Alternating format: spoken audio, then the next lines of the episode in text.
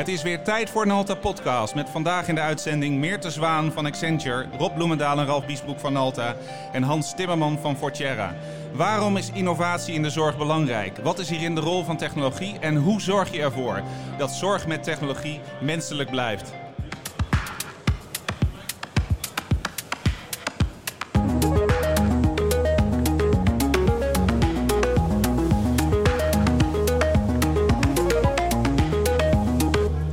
Is Nalta Podcast, aflevering 24, opgenomen op dinsdag 3 december 2019. Live vanuit Maarsen op het Dell Technologies Forum 2019. E-Health Internet of People.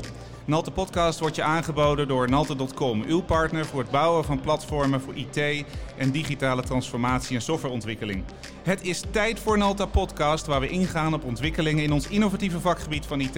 We praten in dit eerste deel van de podcast met Meerte Zwaan, Partnership Manager bij Accenture, Ralf Biesboek, Business Strategist, maar natuurlijk ook founder en partner bij Nalta, en Hans Timmerman, voormalig CTO bij Dell EMC en nu director bij Forterra. Welkom. Dankjewel. We Dat is altijd een hele mond vol. eh. We zijn er er weer goed uit, Mike. En, eh, en de technologie is eh, wel weer een beetje, een beetje nieuw, want eh, we gaan het eh, eh, live doen hier. En ehm, Rob, ik weet dat het geluid uit is, maar hij zingt als een idioot. Dus het is belangrijker dat we hem hier pakken. Ehm, Hans, tijdje niet gesproken. Hoe is het met je? Prima, prima. Ja, pensioen, drukker dan nooit. Ja, ik geloof er niks van. Echt, eh, echt pensioen? Ja. Ja, formeel heb ik AOW. Dus Oké. dan ben je met pensioen. hè. Ja, dat klopt. En Meerte, wij, eh, wij, wij hadden jou ook in de podcast rondom Delft Entrepreneurs. Klopt. Hoe is het met je? Gaat heel goed. Heel goed. Ja, gaat zeker goed. En, en nieuw, eh, Ralf, jij hebt eh, zelf een podcast gedaan natuurlijk met Nalta. Dat is e- alweer even geleden. Klopt. Nee. Ehm, hoe is het met je? Uitstekend en dankjewel voor je uitnodiging. Ja, natuurlijk. Ehm, Rob komt in het tweede deel van de uitzending erbij. Ehm, ja, en waar gaan we het vandaag over hebben? Ehm, het, eh, het gaat over e-health en het gaat over technologie. En eh, helpen wij mensen eigenlijk met technologie? Dat is waar ik in deze, podcast een beetje op wil inzoomen. En eh, aan, aan jou de vraag, Hans. Waar, waar staan we nu met IoT en AI en al die ontwikkelingen die er gaande zijn? Nou, er gebeurt een heleboel natuurlijk. Als je praat over wat mensen zelf hebben aan apparatuur, dan doen ze zelf al een heleboel met hun eigen apps en hun eigen platformen. Aan de andere kant zie je dat de professionals bezig zijn om te kijken hoe kan ik naar die individu toe komen. Ja. En hoe kan ik hem bereiken? En welke vormen van communicatie en welke kanalen heb ik nodig om daarmee te kunnen communiceren? Ja, En dat is weer een heel andere discussie, een heel ander gesprek ten aanzien van... Dan kom je op kwaliteit uit van, van een zorg. En hoe kan Mhm. ik die kwaliteit garanderen dat die er komt? Terwijl het verzamelen van data veel meer is in, ja, in de apps, et cetera. En die je dus kunt gebruiken, die data, om je eigen e-health omgeving te bekijken. Ja, ik heb aan jou gevraagd, Meert, om aan te schuiven. Ehm, ook vanuit de gedachte ehm, van eh, hoe kijkt nou een gebruiker ook naar e-health? En niet dat je nou per se een gebruiker bent, want je werkt bij ben- Accenture en al heel erg lang. Ehm, maar jullie hebben ontzettend veel ervaring als het gaat om digitale transformatietrajecten. En ik ben heel ja. nieuwsgierig hoe jij hierop gaat reageren. En voordat ik dat wil horen, Ralf, wat zie jij gebeuren in die wereld van, van e-health op dit moment? Ehm, nou, ik denk dat er op dit moment heel veel eh, gaande is. En eh, eh, zoals Hans net ook al adresseert, tussen eigenlijk een stuk vanuit de professionele markt en versus de, de thuisgebruik. En eigenlijk zie ik die afstand eigenlijk alleen maar groter worden. Terwijl meer en meer naar elkaar toe zou moeten komen te liggen. En daar maak ik me soms ook wel zorgen over. En zeker ook de, de, de tijd eh, zeg maar, die dat kost en eh, gaat kosten. En, eh, dat, dat zijn aandachtsgebieden. Ja. ja, we worden niet geholpen door de techniek hier. Ik hoor van alles rondzingen. Eh, dus ik knijp hem. Meerte, jij hoort af en toe niets. Het is echt Ik, verschrikkelijk. ik heb je niet gehoord, maar Kan, kan, je het nog eens, kan je het nog eens herhalen, Ralf? Kort. Nou, samengevat is eigenlijk dat ik eh, eh, eh, zie dat die markt tussen eh, thuisgebruik, eh, privégebruik en eh, de, de wereld van de professionele eh, zorgverleners, dat eh, eh, daar een grotere afstand tussen ligt en gaat ontstaan. En nou ja, dat is iets denk ik waar we ons wel zorgen over kunnen maken. Ja, zie je dat ook, Meerte?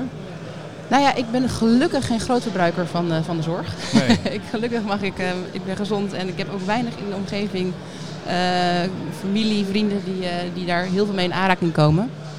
Ehm, maar ja, wat ik wel, wat ik volgens mij ja, wat, wel, wat wel een probleem aan het worden is, is inderdaad gewoon het, het, het stukje data en het, en het ehm, eh, inzichtelijk moeten maken zeg maar, van, van procedures. Ook, eh, weet je, wat je ook binnen, de, eigenlijk binnen het education vlak ziet. Alles moet maar eh, op papier staan, want anders heb je daar achteraf wellicht een, een issue mee. Zeg maar. Ja. Dus ja, het, het, op, ja, eigenlijk het, administratieve gedeelte in de zorg, dat is zo zonde dat daar, daar, daar zoveel tijd in gaat zitten. Ja, Ralf? Nou, zeker. Ter aanvulling. We wachten natuurlijk allemaal op de MDR 2020, die vol nog in beweging is. En daar is veel van afhankelijk. Ja, en, en de grap is dat uh, we zitten allemaal in de technologie. En we zijn allemaal bezig om oplossingen te verzinnen. In dit geval oplossingen voor die zorg. En waar ik benieuwd naar ben, is of we die patiënt daar daadwerkelijk ook echt mee helpen. En daar wil ik in het tweede deel van, uh, van de podcast wat meer op inzoomen. Um, voor uh, jou, Hans. Mm -hmm. um, als je dit zo hoort, wat denk je dan? Ja, we hebben de zorg hebben enorm complex gemaakt. Mm -hmm. En eigenlijk zou je de zorg moeten ontzorgen. Dat zou een mooie kreet zijn trouwens. Uh, en wat we zien is dat die administratie eromheen is, is zo zwaar geworden... dat eigenlijk heel veel zorgverleners heel veel met die administratie bezig zijn. Daar kan techniek heel bij helpen. Uh, we, we, kijken bijvoorbeeld als je naar data kijkt rond, rond een patiënt, hè, kun je een patiëntvol systeem gaan maken. Net zoals we een leerlingvol systeem hebben, kun je ook een patiëntvol systeem hebben. Waarbij die patiënt voordat hij het ziekenhuis ingaat al volgt en via die huisarts in, in het ziekenhuis volgt, in een verpleeghuis volgt, eventueel thuis in zijn eigen slaapkamer waar hij beter moet worden. En we kunnen die patiënt veel beter digitaal volgen als we daar iets voor gaan bedenken. En, en dit is echt heel tof, um, want we staan hier vandaag op het Dell Forum. We hebben hier vier fantastische voorbeelden van platformen die we hebben gebouwd. Een van die platformen is het Digital Angel platform. Uh, voor de luisteraar, Ralf, hoe zou jij in een paar zinnen Digital Angel omschrijven? Uh, en het liefst dicht op je microfoon uh, allemaal. Ja. Uh, Digital Angel uh, ontzorgt eigenlijk de zorgprofessional en uh, ondersteunt de patiënt in comfort. En daar doen we het uiteindelijk voor. Dat die patiënt er beter van wordt. Dat, dat is eigenlijk de, de kracht van Digital Angel. Dat is de, dat is de uitkomst. Ja. Dat is de uitkomst, ja. Dus ja. En, en, daar hoeft een patiënt eigenlijk helemaal geen last van te hebben. die geniet alleen de comfort daarvan. Ja, wat we hier hebben staan is een, uh, is een bed. Maar misschien kun jij het beschrijven, Meerte, want je kijkt er recht op. wat zie je? Ja, met name een bed en, een, en, een, en een, volgens mij een hele mooie knuffel. Maar uh, ja, dat is het ziet er gewoon uit als een normaal bed. Het, uh, ja, ja. En, en, en dat is het zeker niet. We hebben er een mooi dekbedje overheen gegooid. En um, wat je eigenlijk ziet is een, is een, een bed met daarin een smart mattress. en dat is aangesloten op het Digital Angel platform. En het Digital Angel platform, dat is een platform waarin we de sensoren, de data van de sensoren, in dit geval van het matras, ontvangen. En op een, uh, op een dusdanige manier visualiseren dat een zorgprofessional in staat is om beter zorg te leveren. En daar beogen we twee doelen. Eén, dat het leven van die patiënt beter wordt. Hij wordt beter ontzorgd. En aan de andere kant zorgen we ervoor dat we de kosten verlagen. Dus dat er minder bewegingen nodig zijn naar dat bed. Voor ons is dit een heel mooi voorbeeld. En we hebben ook een uh, Boomi uh, uh, Emerging Technology Award daarvoor gewonnen vorig jaar. Een heel mooi voorbeeld van technologie die je inzet om die patiënt beter te laten worden. En hoe zijn andere, want dit is met name inderdaad voor ehm, de patiënt en, en de zorgverlener, zeg maar. Hoe zijn andere partijen hierbij betrokken, zeg maar? Dat zijn eigenlijk de twee belangrijkste partijen op dit platform hoe gaat dat inderdaad rondom, want wij werken heel vaak in bepaalde challenge met een ecosysteem samen. Dus dit zijn dan twee hele belangrijke partijen die gebruik maken hiervan. Hoe gaan jullie daarmee om, zeg maar, met echt dat hele ecosysteem erbij betrekken? Ja, klopt. En dat, dat, dat, dat heb je ook eigenlijk, je hebt iedereen nodig. Eigenlijk uh, de hele keten. Uh, uh, vanaf eigenlijk de fabrikant van een, van een matras tot en met de, de, de zorgprofessional die, die weet wat hij eigenlijk moet doen en wat van diegene verwacht wordt. Dus uh, dit kunnen we niet meer alleen. Uh, uh, de hele alle ketenpartners moeten eigenlijk van op de hoogte zijn, moeten ermee op getraind worden om daar gebruik van te maken. En wij nodigen ook eigenlijk fabrikanten van smart, die een smart product willen leveren uit om, om te gaan koppelen aan, aan dit platform. Omdat uiteindelijk zit de, ligt de kracht natuurlijk in het combineren uh, uh, van verschillende data uit sensoren.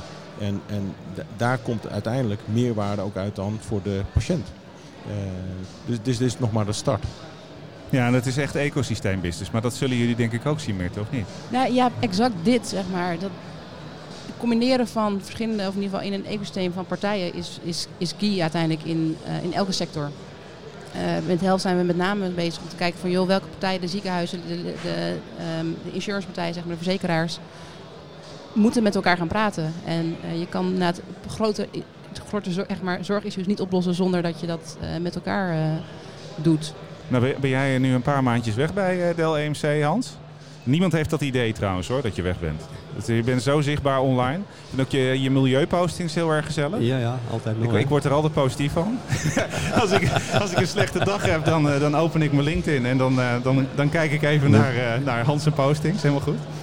Ehm, je bent nu een paar maanden weg bij Dell EMC. Ehm, het lijkt mij heel anders ehm, eh, om voor jezelf te werken, wat je nu doet, dan wat je altijd hebt gedaan. Dus wees ook een dooddoener. Hartstikke logisch.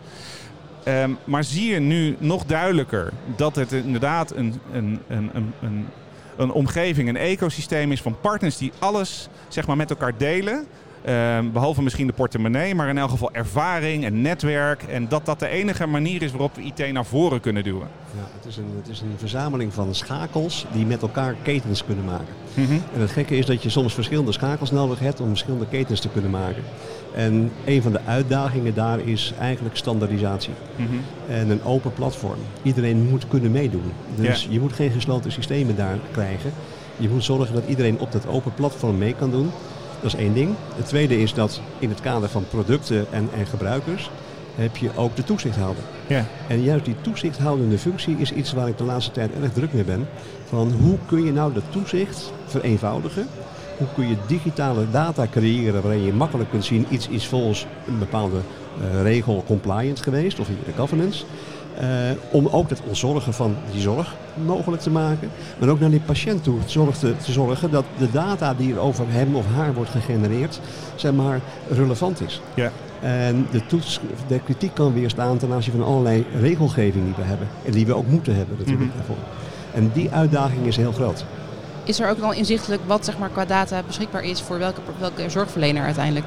Dat zou je als patiënt heel graag willen inzien. Je Van, joh, moet is- eigenlijk weer de patiënt, of eigenlijk moet je de burger eigenaar maken van zijn eigen data. En dat is het makkelijkste. En je zult zien, je ziet als je met mensen praat die ziek zijn geweest, die willen alles delen over hun ziekte. Die hebben geen privacy. Die zeggen hoe meer je van mij weet, hoe beter iedereen weet welke medicijnen ik heb, welke ziekte ik heb gehad. Als ik op straat word gevonden, kunnen ze me helpen. Terwijl mensen die gezond zijn, die dat nooit hebben meegemaakt, zeggen nee, dat is geheim, dat is mijn eigen dossier. Ja, het- voor een zorgverzekeraar is het, is het dan weer een beetje een, een tricky. Voor de apotheker, voor inderdaad de, de zorgverlener in het ziekenhuis of verpleegkundige is het heel fijn om die data wel openbaar te hebben voor die specifieke zorgverlener. Maar voor inderdaad een ja, verzekering technisch op dat gebied ga je dan weer inderdaad eh, ja, je data denk bij je houden. Omdat je daar niet eh, Je, in je het ziet op, je ziet op dit moment initiatieven. Er is een initiatief waarin 4.000, 5.000 patiënten met een bepaalde ziekte elkaar opzoeken. En zeggen mijn data van mijn ziekte, ik, ik heb een darmziekte. En die darmziekte, die informatie wil ik delen naar wetenschappelijke omgevingen toe. En ik laat dus wetenschappers onze data gebruiken, maar wij willen wel in return zien wat ermee gebeurt. En daarmee krijg je hele leuke initiatieven dat patiënten dat eigenaarschap van die data gaan gebruiken om eigenlijk onderzoek te gaan stimuleren. En, en dat zijn hele leuke dingen die gebeuren op dit moment. En daar moet je ook weer platformen voor hebben om dat te kunnen. En natuurlijk de privacy eh, daarin te kunnen garanderen. Want je kunt het wel toestaan, maar je moet wel toetsen dat het gewoon op een nette manier gebruikt wordt. We gaan richting break. Eh, eh, Ralf, heb jij hier nog iets aan toe te voegen? Nou, dat, eigenlijk meer vanuit de patiënten dat er eh, soms nog wel een bepaalde angst misschien eerst. Wat gebeurt er met die data? En, Onbekendheid. Onbekend, ja. Onbekendheid. En daarmee, daar moeten we iets mee. Ja. En daarover transparant zijn. Hartstikke goed, dankjewel. Ralf, jij gaat wisselen met, eh, met Rob. Wacht nog maar even. Eh, na de break gaan we inzoomen op ehm, hoe zorgen we ervoor dat die innovatie menselijk blijft. Want to grow your business and take it to the next level? Well, here we all are, and we are going to show you how through hard work, perseverance, and a little help and know how, you can take things to the next level and push the success of your business even further. Let's get going.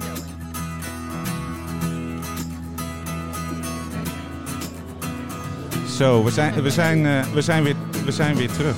Zijn we weer terug? Hallo? Hallo, ik hoor je. Ik hoor je ook. Ja. Ik nu ook. Ik had eh, dikke vingers, denk ik. Verkeerd knop. Eigenlijk, je kan zoveel voorbereiden. Dat is eigenlijk eh, met innovatie ook. Soms bouw je een, eh, een MVP of een POC.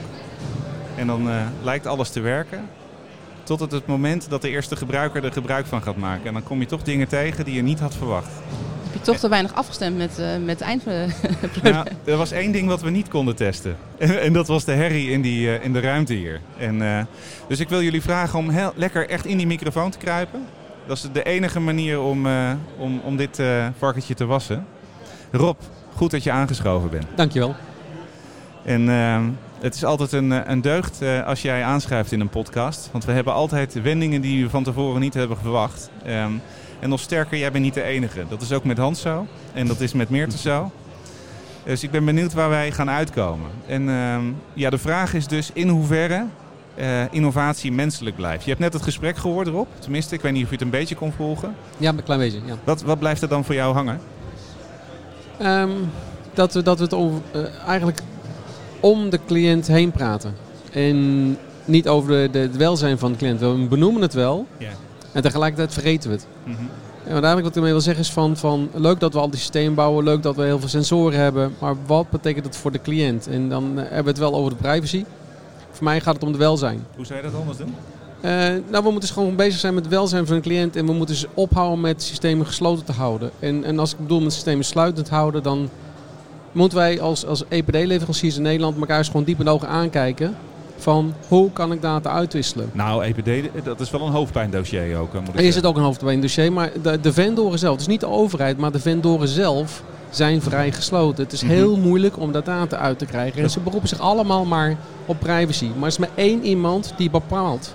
Dat is de cliënt zelf. Ja. En niemand Dat is anders. de burger. En als de cliënt dus aangeeft van eh, ik sta toe dat mijn data met die en die bedrijf gedeeld wordt, prima. Waarom moeten wij dan de boel gesloten houden? En wat ik daarmee zeggen wil is, het is, het is voor ergotherapeuten zo fijn als je dus meerdere systemen met elkaar kunt koppelen. Hoe mooi is het niet als je een EPD hebt, waar je het ziektebeeld van de cliënt hebt, maar tegelijkertijd middels sensoren die aan elkaar geknoopt zijn, die door andere platformen ondersteund worden, waarbij je een compleet beeld hebt van het gedrag van de cliënt overdag en s'nachts. Om een, voorstel, een voorbeeld te geven, iemand ligt te veel op zijn linkerzij en daardoor hangt hij rechts in zijn rolstoel. En als je niet recht in je rolstoel zit, dan is het, het, het bewustzijn van, van je leven overdag minder dan wanneer je wel recht in de rolstoel zit. Dus het belang van die cliënt is dan te zorgen dat je s'nachts minder op je linkerzij ligt, waardoor je dus rechter in de rolstoel gaat zitten. Ja. Het is maar een voorbeeld. Als je dat dus aan elkaar kunt knopen, dat je zegt van oké, dit is mijn behandelplan vanuit mijn EPD. En ik wil het zo eh, doorzetten naar, naar, naar mijn alarmering van de sensoren die ik gekoppeld heb aan een ander platform. Dan zijn we gericht bezig met zo'n cliënt. Ja, En, eh, maar ga maar eens praten met zo'n EPD-leverancier. ja oké. Dit is een drama. Ja. En maar er is niks zo vervelend natuurlijk om elke keer weer opnieuw je verhaal te doen, zeg maar, als, Ja. als patiënt zijn. Elke keer weer te zeggen van, ja, hier heb ik pijn en, en, eh, en dat continu te moeten herhalen bij elke, bij elke zorgverlener. Ja, maar dan hebben we het over cli- eh, cliënten die, die het aan kunnen geven. En wat, dat heb je uh, cliënten die het niet kunnen aangeven. Mensen die, die niet in staat zijn. Eh demente mensen of geestelijk gehandicapte mensen. Waarbij je een veel grotere zorgvraag hebt. En dat we zulke simpele dingen voor ons gewoon te bouwen zijn. Ja. Maar we dat eigenlijk niet willen. Want stel je voor dat ik aan mijn marktpositie kom. Dan denk ik van ja jongens, eh, wat is nou belangrijk? Maar dat heeft dus niks met techniek te maken. Dat heeft eigenlijk alles met politiek te maken. Dat is wat Ja, politiek, adoptiegraad. Politiek, commercie. Ja, commercie. commercie. Ja. En eh, wat zie je dan als oplossing? Nou ja, wat, dat de wat- overheid hierop gaat ingrijpen? Nou, wat de overheid dus probeert dat te doen hè, met, met mij. eh, waarbij ze dus een initiatiefgroep hebben van eh, dat je als burger dus kunt aanmelden en een bedrijf aansluit. In het noorden van het land begint dat goed te draaien. Tussen apotheken, huisartsen en verzekeraars. Die, die zijn er goed bezig samen. Ehm, maar dat is nog niet landelijk. En, maar ook de interfacing daar naartoe. het is wel heel stringent. Maar goed, het is niet van initiatief van oké, we kunnen daar wat mee gaan doen. Maar niet iedereen omarmt het. Nee. En, en dat is dan zo ontzettend jarm, jammer. Ehm, en ik denk ook niet dat het bij iedereen even goed bekend is in, in de, de platformbouwers. eh, dat daar zo'n initiatief is en waar we wat met z'n allen mee kunnen. Ja. En ik denk ook dat de, eh, de overheid dat heel laagdrempelig moet wegzetten van joh, connecteer maar en het kost je is niks. Ja, dus Maar goed. het- de, de technologie helpt hier niet. Het is eigenlijk monopolie op technologie wat IT-bedrijven gewoon soms hebben. In dit geval bedrijven die al heel snel gestart zijn met het bouwen van EPD's. Ja. Soms zelfs op basis van subsidies en daar nu machtig veel voordelen van trekken. Maar er zijn ook heel veel initiatieven om dat te doorbreken. En Hans, jij bent een groot fan van, eh, van open data. Kan je daar eens op, op Ja. inzoomen? Een heel mooi voorbeeld is dat in 2005, en daar heeft toen EMC nog aan bijgedragen met documenten, is in Finland een EPD gebouwd door de Rijksoverheid. Waarbij bij Volksgezondheid gewoon een, een repository is, waarin dus alle data van een burger staat. En die data staat ook op je identiteitskaart, op je gesloten eh, chip die erin zit. Dus je hebt een open deel, daar mag je inzetten wat je wil. Dus word jij op straat gevonden en een hulpverlener die kan jouw kaart lezen. Die ziet, je hebt die medicijnen, je hebt die et cetera. Ja. Als je dat niet wil, omdat jij vindt, ja dat is privacy, zet je er niks in. Maar als een hulpverlener jou vindt, kan hij ook niks doen. Maar dat is jouw verantwoordelijkheid. En daarna zit er achter een password, kun je dus je reader en reader in een- een arts erin steken. En die, jij tikt je paswoord in en die arts heeft inzage in jouw medisch dossier. In de metadata. Hans, ze zijn hier is min goed. aan het zagen. Ga door, sorry. En op die manier eigenlijk heeft Finland dat gedaan. Dat is gewoon, als je daarna gaat kijken, is copy-paste. Het is privacy-proof. Het is techniek die al tien jaar eh, ruim bestaat. Eh, dat, dat is soms ook zo moeilijk om te zien. Is van, van, ehm, we moeten allemaal weer hetzelfde wiel uitvinden. En, en dat verbaast mij ook zo. Van, kijk nou eens goed, hoe goed om ons heen, de landen om ons heen, hoe dingen georganiseerd zijn.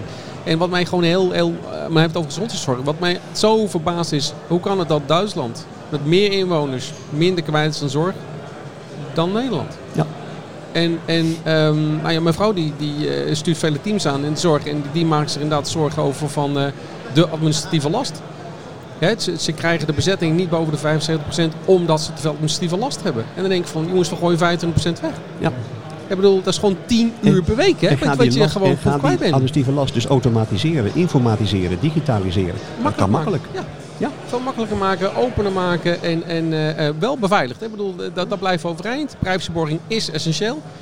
Maar we kunnen zoveel meer dan we, dan we nu doen. En, en inderdaad, eh, kijk wat er gebeurt in de markt. En, en neem eens gewoon wat over. En, en eh, bouw het uit, maar begin niet opnieuw. En trekt dat dus breder naar andere markten? Meerte, is dat makkelijk? Heb je daar een antwoord op? Is het iets wat alleen maar in de zorg speelt? Nee, nee, wat ik zei, ik denk dat dat ook binnen, binnen educatie, zeg maar, daar zie je ook hetzelfde probleem van het administratieve deel, zeg maar, wat heel veel tijd kost. Eh, waar ook verschillende partijen, waar je ook met, eh, nou, gewoon met de werkvloer, met de school te maken hebt en de, de ouders die van alles en nog wat eh, daarvan vinden, zeg maar. Ehm, en ja, volgens mij zie je dat bij, in elke industrie zie je natuurlijk die, ja, die combinatie van, ja, van, van de partijen die het samen moeten doen, wat heel erg ingewikkeld blijft. Om, Ja. Omdat iedereen natuurlijk een eigen model, een eigen businessmodel heeft en eh, ja, daarin eh, voor zijn eigen, nou, zijn eigen belang kiest, zeg maar. We, we zijn vanaf vorig jaar bezig op het thema van Internet of People. Dus hoe kunnen we, en internet is natuurlijk een, een, een rare verzamelnaam, maar het is IoT. Internet of Things en de verbastering is Internet of People. Hoe kunnen we ervoor zorgen en de verantwoordelijkheid pakken ook als IT-bedrijf, in dit geval Nalta, maar ik heb ook het idee dat Accenture dat doet. Ehm, hoe kan je die verantwoordelijkheid pakken dat je dingen echt bouwt voor mensen? En dat je nadenkt over de gevolgen van eh, privacy en eh, gevoeligheid van data en functionaliteit. Ehm, en dat is ontzettend lastig. Ehm, je hebt termen als security by design. Eigenlijk zou het moeten zijn people by design. Ja. Dus dat je daar als eerste over nadenkt. Ehm, dat thema hebben we sinds vorig jaar te pakken. We hebben er zelfs een heel album, eh, muziekalbum naar vernoemd. Ehm, maar het is hartstikke interessant om dat een beetje te volgen in de, in de markt. Hoe, hoe anderen daarnaar kijken. En ik heb echt wel het idee dat er een omslag is. Ja, het grappige is. is dat er heel veel. Kijk, in, in, de, in, in- de markt rondom consumentenproducten, daar staat natuurlijk de eindgebruiker. Daar, staat, daar staan jij en ik natuurlijk op nummer één. Ja, anders verkoop je niks. Anders, koop, anders verkoop je niks, zeg maar. Maar in andere industrieën is dat toch, toch nog wel een, een, een issue, zeg maar, om de klant, de gebruiker op nummer 1 te zetten. En heb je nog een tip eh, voor de afsluiting? Hoe we dat als IT-bedrijven kunnen doen? Nou, ik- mijn tip is altijd, ga met elkaar in gesprek. Dus ik, ik denk dat wij, eh, zeker als kindje ook proberen om juist die partijen met elkaar in gesprek te laten gaan. Want alleen daardoor snap je wat van elkaar, ja, wat, wat elkaars belang is eigenlijk. En, Ja. en daarin kan je proberen om tot elkaar te komen, zeg maar. Eh, en alleen dan kom je volgens mij Dat verder. gaat gewoon lukken. Gaat gewoon ik, lukken. ik hoop het, ja. En jij Hans? Nou, er is heel veel wetgeving ook Europees. En ik zou willen zeggen, als we gaan kijken wat Europa doet op dit gebied, moeten we dat omarmen. En inderdaad, wat je net al zei, van we moeten niet een nieuwe deal gaan uitvinden, maar gewoon meedoen met wat al bestaat. Kijk naar hoe, hoe Es- Eh, Estonia bijvoorbeeld bezig is hè, met, met zijn digitale overheid. We moeten ook die digitale burger krijgen. En als je vanuit de digitale burger uitgaat, die gewoon zijn eigen dossier heeft op een heleboel gebieden, niet alleen medisch, maar ook op andere zaken, en dat erkent dat dat van die burger is, dan heb je al een stap gemaakt. Ik sluit me zo aan. En ik denk dat de, de, de, centrale overheid hier gewoon eh, eens goed moet luisteren naar wat er in de industrie gebeurt. En dan heel veel dingen gaan overnemen. En eh, dat gebeurt gewoon te weinig. De, de besluitvorming duurt allemaal veel te lang. De processen duren veel te lang. Eh, het kan allemaal veel sneller vlotten. En en ik denk dat de, overheid ook de, de angst bij burgers moet weghalen van eh, wat allemaal niet fout kan gaan. Ehm, je moet gewoon goed dichttimmeren. En, en geef nou eens de burger zijn eigen ding. En dan regelt het zich vanzelf. Accepteer die verantwoordelijkheid bij die De burger. accepteert wel. doe je nu ook. Dus, dus, eh, En zeker de nieuwe generatie, die staat er echt voor open, zeg maar. Natuurlijk is het met de oudere generatie soms wat ingewikkelder om, om, ja, om daarin ook als oudere generatie in mee te bewegen. Maar ja, kijk een aantal jaar vooruit. Volgens mij is iedereen dan eh Ja, ik digitaal. vind het zo leuk. Het is, mijn, mijn zoon zit aan de PABO nu. En die zit in het derde jaar. En die, die geeft dus nu eh, les. En, en die is bezig met veel meer creativiteit met de kinderen. En dus die, die is nu bezig met een uh, aardrijkskundig project. Waarbij ze dus eh, met eh, platen en, eh, en huizen. En dan moeten ze nadenken om een huis aardbevingbestendig te maken. Gewoon puur creativiteit erin te brengen. Dus veel minder de weetjes. Want ja, eh, Wikipedia staat al wel. Het internet staat al open. Dus informatie haal ik wel op. Ik hoef het niet meer te weten. Ehm, en, en dat zorgt er wel voor dat we met z'n allen naar een heel ander ding toe gaan. En daar moeten we op aan gaan haken. Ik vind het een fantastisch mooie einde van deze podcast. Dat jij begint over je zoon op de Pabo. Ja. Geweldig. Er moet altijd iets persoonlijks in. Hij heeft, Ja, is toch hij, leuk? hij heeft zijn vrouw genoemd, Hans. Ja. Hij, Ja. Noemde, hij noemde nu zijn zoon Bert, hè? Je familie, je familie zit in de pop. Word je hier ook voor betaald of niet? eh? Ah jongen, ik heb een kerst, wil je niet weten. En eh, voor de luisteraars is ook wel leuk. eh, Rob zit op een suikerloos, suikervrij eh, dieet. En we hebben Ja. een enorme schaal met taai voor hem gezet. Hij heeft zich netjes gedragen. Ik wil, ik wil jullie enorm bedanken voor het luisteren naar de podcast. En wat een gave, maar wel een beetje rumoerige plek. Ehm, maar goed, dat hoort erbij. En we gaan nog even door, want we hebben vanmiddag een, een podcast om 12 uur over Marine IoT. En om drie uur gaan we praten over smart cities. Ehm, bedankt Hans, Meerte, Rob. Graag gedaan. Dankjewel. En eh, vergeet niet te abonneren eh, op onze podcastkanalen bij Soundcloud en Apple Podcast. En je te abonneren op ons YouTube kanaal voor Nalta Explores, Explains en Experience video's. We sluiten af met HBOV, het nummer Havana. Bedankt voor het luisteren.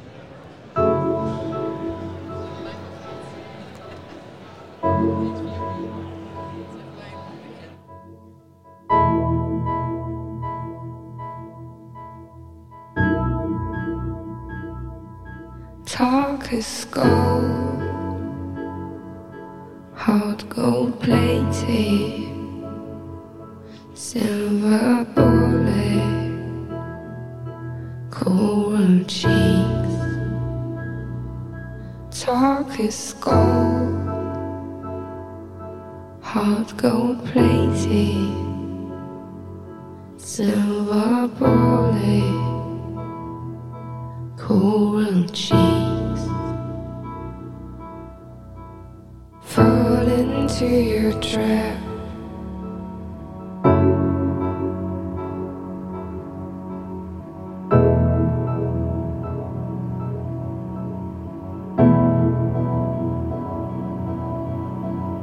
Fall into your trap.